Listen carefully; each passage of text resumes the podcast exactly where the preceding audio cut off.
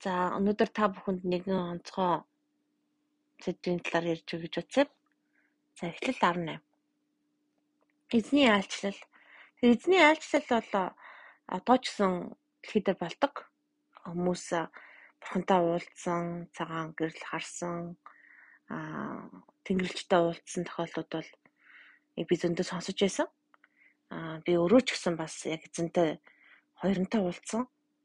Аа тэгээд яг үзэгдлэр болон өөр зүйлээр эзэнтэй хамт бас хэд хэдэн газар очиж исэн. Тэгээд нэг удаа тэнгэрлэгчтэй уулзсан. Тэгээд ер нь бол тэнгэрлэгчнэр байдгийг болон хамт ажилдаг. А гэхдээ энэ тохиолдлыг харуул хүмүүс жирийн хүмүүс төр яаж утсан ч юм уу талаар харъя л да.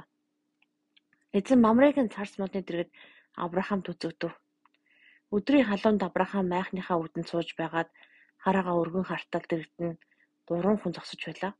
Тэгэхээр тэднийг харангуйтаа утган тосгоор майхныхаа үднэс яаран гүйж хүрээд газарт бүхийн сөгдөж ээ хэрвээ таны таалалд нийцсэн бол өчүүхэн зарс намаагаа битгий орхин өрөөрөө хэмээн би гуйж байна.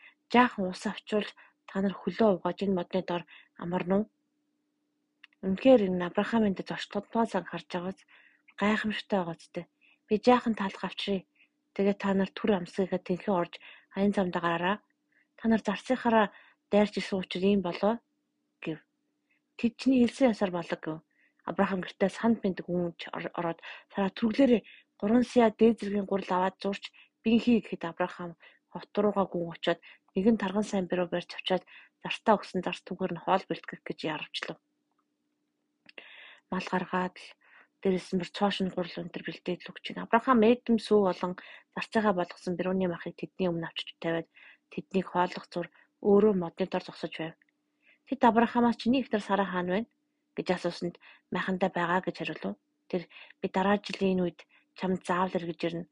Тэгээ чиний ихнэр Сара хүүтэй болох болно гэжээ. Сара ард нь майхны үдэн тусаад ингэж сонсож байжээ. Авраам Сара хоёр өндөр наслан хөтөлж Сара хүүхэд гарах насаасаа хэдийн хэтэрчээ. Сара дотроо инээж өгүүлрүүн би хөшөрчгөөд байхад мөн эзэн маань ч бас өтөлчгөөд байхад би яаж жаргалтай болох юм бэ? Эзэн Авраамд яагаасаар энийгэд хөшин болсон би өнтер хүүхэдтэй болж чадна гэж юу гэж хэлээд байна вэ? Эзэн дэндүү үтсэн байдаг гэж юу? Би тогтоогдсон цагт чамд эргэж ирнэ. Дараа жилийн үед цараа хүүтэй болсон байна гэв. Сара айсанда би нээгээгүй гэж мэлцэн дүгээж инээсэн шүү дээ гэж тэр хэлв. Тэдгээр хүмүүс тэндээс босцохож Содомын зүг харж Авраам тэднийг үдэхээр гарчээ. Эзэн би хийх гэж байгаа юм Авраамаас нуун гэж юу? Авраам агуу их хүчрхэг үндэстэн болж дэлхийн бүх үндэстэн түгээр дамжуул нэрөгдөх биш үү?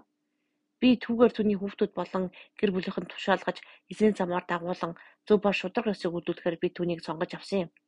Энэ эзэн түүний тухай хэлснээ Авраам биелүүлэхийн тулд болоо гэв.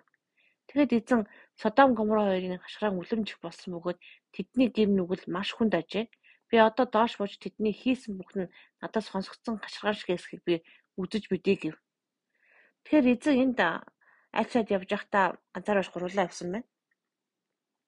Тэгээд бас өрөөлөө хайрлах гад Авраамтай очиод зүгөөрчгүй Сарагийн бодлыг уншаад шоолж болохгүй гэдгийг хэлээд тэгээд хүүхдийг амлаж өгчөөд өрөөл өгнө гэж амлчаад тэгээд дараа нь бас болохгүй байгаа газараа хашгирааныг өөрөө бүр шалгаж дээр сонсогдсон доор нь ямар хаа байгааг байдалтай нь танилцъя гэж явчих нөхцөл байдалтай. Тэр нөхцөл байдалтай нь танилцъя гэж явдаг айлчлуудыг эзэн хийдэг байх нэ. Тэгээ нэгэн удаа би а надаас нэг 5 6 ахмаг а хосыг залбирч исэн. Тэгээ эзэн минь та тэднэрт үзэгдэх болтугай. Үнэхээр гэж би анх удаа тэгэхэд бидийг залбирч исэн. Тэгээ visitation буйн үзэгдэл дээр а уулзсан хүмүүсийг харахад бол маш их зовлонтой хэцүү байхад уулздаг, заримдаа шагнадаг байгаа. Тэгэхээр миний тэр тэнгэрлэгчтэй уулзсан үзэгдэл бол юу болсон гэхээр нэг өдөр бурхан надад хэлсэн. Өнөөдөр би чамайг хоолнд оруулна гэж хэлсэн. Тэгээд тэр тэр хотын тэр булангийн нэг тэр рестораны хажууд очих гэж хэлсэн. Тэгээд би яг тэр зааврынхан дагвтанд очиод өдөр хүлээжсэн. Тэгээ байжсэн чинь найзтай гунуулах байсан л та.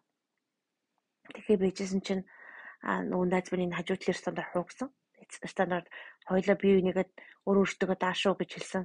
Тэгээд би хараа байжсэн чинь нэг хоёр суг таягтай хүн маш гой цэнхэрнүүдтэй бүр ингээд далаа шиг тийм нүдтэй нүдрүүн хараал амир харахаар баг ингээд шууд уйлчих гал тийм хажуугаар өнгөрснөө би чиний хоолыг данаа таарийн чи юу дуртайгаа идэрэ гэж надад хэлсэн. Тэгээд тэр өмнө нь авсан тэр ундааны типний мөнгийг хүртэл нэмж өгсөн.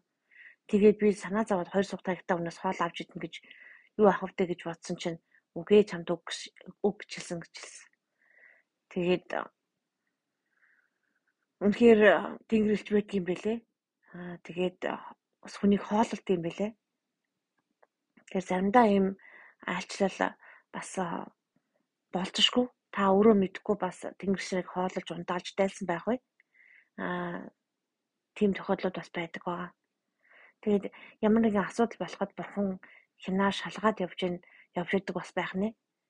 Тэгэхээр бурхан дээр дээр суучихсан аа тоохгүй хардггүй биш тухайн нөхцөл байдлыг бас өөрийн биеэр шалгаж явдаг бас байх нь.